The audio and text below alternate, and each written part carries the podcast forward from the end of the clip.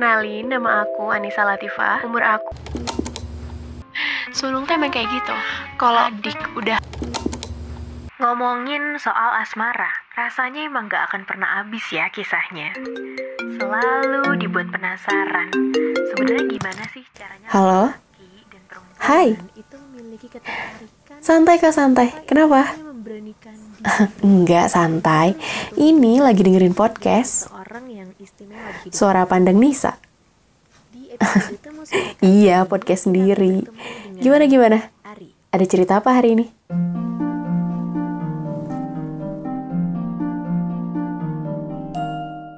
Oh ya? Terus terus? Ya ampun, kakak banget. Sumpah, sama. Iya, iya. Aku juga sama kayak gitu. Aku tuh kayak gini soalnya. Nah, waktu itu kan kamu kayak gini ya?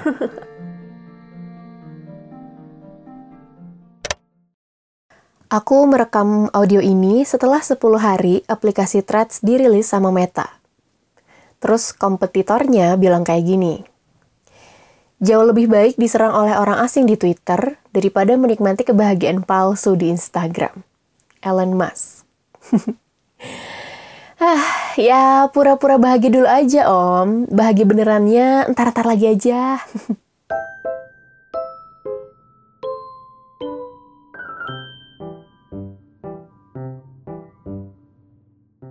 Aku juga FOMO ikutan bikin akun threads. Penasaran juga gitu loh isinya tuh kayak bagaimana. Sebelumnya aku punya akun Twitter, cuman memang fungsinya buat cari informasi gempa. Soalnya di awal tahun 2023 kemarin kan lagi banyak-banyaknya wilayah Indo yang kena gempa ya. Terus pengalaman aku emang update kabar bencana tuh jauh lebih cepet di Twitter kan dibanding di Instagram. Sama ya buat lihat-lihat trending dan tweet-tweet random gak jelas aja. Jadi aku nggak tahu tuh kalau di Twitter tuh suka ada yang share-share link, jual akun Netflix, terus aku juga sempet dengar ada beberapa akun yang kena ban dengan alasan kurang masuk akal lah.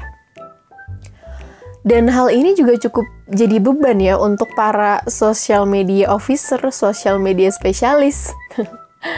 Karena job desk mereka bertambah. Jadi kamu sekarang punya berapa akun sosmed nih? Aplikasi sosmed yang terinstall di handphone aku ini ada tujuh loh. Aku tadi ngitung ada tujuh.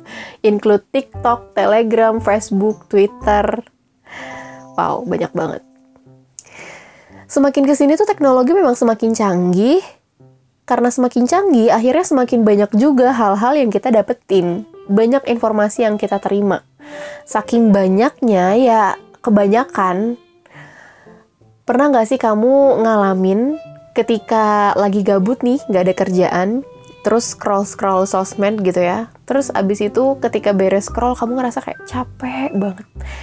Kayak niatnya tadi tuh scroll-scroll sosmed buat cari hiburan, eh, rehat sejenak dari kerjaan, tapi yang ada scroll sosmed juga tambah capek. Udah nggak ada energi lagi gitu. Kayak apa ya, padahal cuma natap layar handphone doang, tapi energinya tuh terkuras habis di sana gitu. Nggak tahu kenapa. Definisi scroll sosmed ini bukan hanya natap layar handphone doang ya. Sekali lagi bukan hanya natap layar handphone doang. Tapi natap kekayaan Raffi Ahmad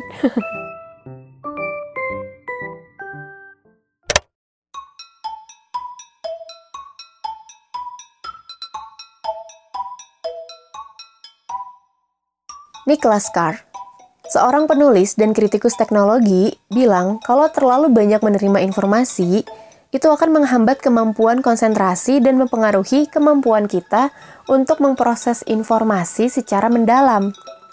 Karena banyaknya gangguan dari informasi yang terus-menerus masuk, otak kita tuh nggak punya kesempatan untuk fokus dan berpikir secara mendalam. Clay Shirky, seorang pengarang dan profesor di bidang ilmu komunikasi. Dia juga bilang, kalau masalahnya itu bukan hanya tentang dari jumlah informasi yang diterima, tapi juga kemampuan kita untuk menyaring dan mengelola informasi tersebut. Itu kenapa penting untuk bisa memilih informasi yang relevan dan dapat diandalkan dari informasi yang tidak penting atau palsu. Daniel Levitin, seorang profesor ilmu saraf dan penulis, Dia bilang, kalau terlalu banyak menerima informasi, itu dapat menyebabkan stres dan kelelahan mental. Otak kita itu punya kapasitas terbatas loh untuk memproses informasi.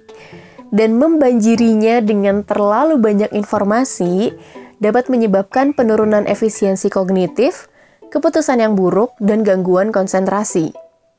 Sherry Tarkle, seorang profesor di bidang studi media, budaya, dan komunikasi, dia juga berpendapat kalau terlalu banyak menerima informasi itu dapat mengganggu kualitas interaksi sosial dan mempengaruhi kemampuan kita untuk berkomunikasi secara mendalam dan empatik. Karena kita terlalu terpaku sama elektronik dan informasi yang terus-menerus mengalir, kita juga bisa kehilangan koneksi manusiawi yang penting dalam hubungan sosial.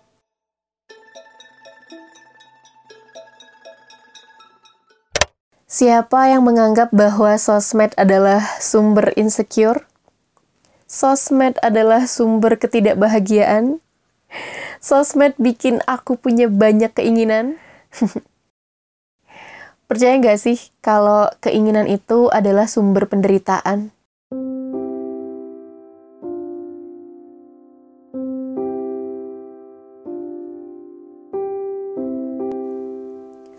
Aku baca satu artikel di websitenya Menjadi Manusia. Judul artikelnya adalah Keinginan adalah Sumber Penderitaan. Ini ditulis sama Ricky Rinaldi. Jadi di sini Ricky cerita kalau dulu waktu kecil, dia itu punya cita-cita ingin menjadi astronot. Tapi dia nggak ada effort untuk menggapai cita-citanya itu. Sampai akhirnya seiring dengan berjalannya waktu, dia mengganti cita-citanya. Dia sempat pengen jadi atlet, jadi musisi, seniman, bahkan pengen jadi presiden. Tapi tetap nggak ada usaha yang benar-benar dia upayakan. Terus dia nulis kayak gini di artikelnya. Datangnya internet dalam hidup membuat saya memiliki keinginan yang sangat besar akan hal-hal yang baru saja saya ketahui. Jika dirunut, mungkin keinginan ini awalnya datang dari rasa penasaran – yang bersumber dari beban pengetahuan. Sederhananya, jika kita tak tahu, kita tak akan menginginkan sesuatu.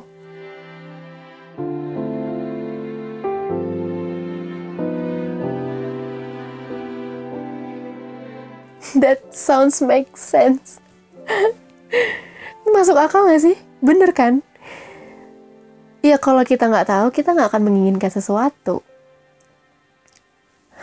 Wah, dan emang ini tuh yang lagi kealami sama aku belakangan ini sih. Jadi aku ngerasa too much information bikin aku too hard make decision. Jadi sulit buat bikin keputusan. Terus eh, gampang takut, gampang insecure, bingung mau mulai aktivitas dari mana, dan jadi nggak bersyukur atas apa yang dipunya sekarang. Ini jadi reminder untuk diri aku sendiri, terutama dan semoga bisa jadi reminder kamu juga yang lagi dengerin. Ya berarti mulai sekarang tuh kita perlu skill untuk memfilter atau memilah informasi yang kita dapat. Karena ya terlalu banyak itu bikin kita sulit konsentrasi, sulit kita fokus sama satu hal, dan cukup stressful sih yang aku rasain karena menurutku emang energinya tuh habis terkuras aja di sana gitu kayak lost aja gitu, ngerasa hilang arah, nggak tahu pengen melakukan apa, nggak tahu harus ngelakuin apa. Dan ini ada satu tips dari Ricky nih di artikelnya kalau kita bingung ya mau melakukan apa.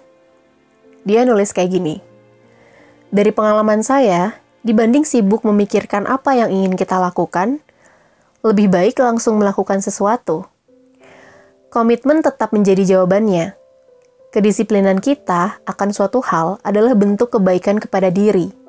Karena pada akhirnya, jika keinginan adalah sumber penderitaan, kita mesti memilih antara menderita karena mencoba atau menderita karena menyesal.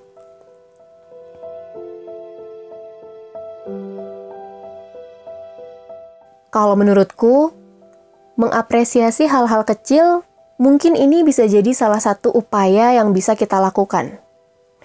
Selain itu, ikhlas dan rela ini memang menjadi keyword atau solusi dari kondisi ini. Ini ini kalau menurut pendapat aku ya. Ikhlas itu ilmu paling tinggi levelnya. Karena aku ngerasa semua orang tuh tujuannya ke situ, tapi untuk mencapai hal tersebut itu penuh dengan rintangan. Dan untuk kita bisa 100% ikhlas atas segala yang kita punya, ikhlas sama kehilangan yang pernah kita alamin, rasanya tuh kayak menang lotre aja gitu kalau kita ternyata berhasil 100% ikhlas dengan hal-hal tersebut. Kayak, wow.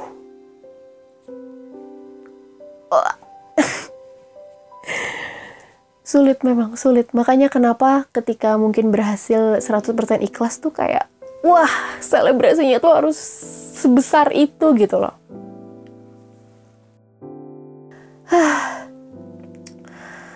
Aku merasa terlalu berapi-api nih di episode kali ini. Aduh maaf ya. Terlalu bersemangat kayaknya karena memang lagi relate lagi relate. Sampai belepotan kan kita nafas dulu, kita mindful breathing. Kita nafasnya mindful. Take a deep breath. Dan aku punya satu mantra, ini yang bisa bikin kamu juga nafasnya mindful ya. Di tengah hiruk pikuk banyaknya informasi yang berlalu lalang gitu. Ini mantra dari musisi favorit aku, dalam albumnya yang berjudul Mantra-Mantra juga. yes, Kunto Aji. Ketika kamu mendengar mantra ini, semoga kamu bisa merasa cukup, bisa merelakan hal-hal yang gak seharusnya untuk kamu, karena ya yang sebaiknya kamu jaga, ya diri kamu sendiri. Cukupkanlah ikatanmu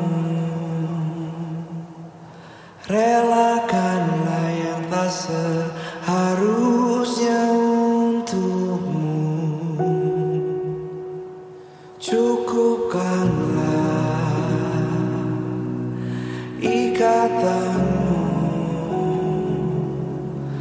Relakanlah yang tak seharusnya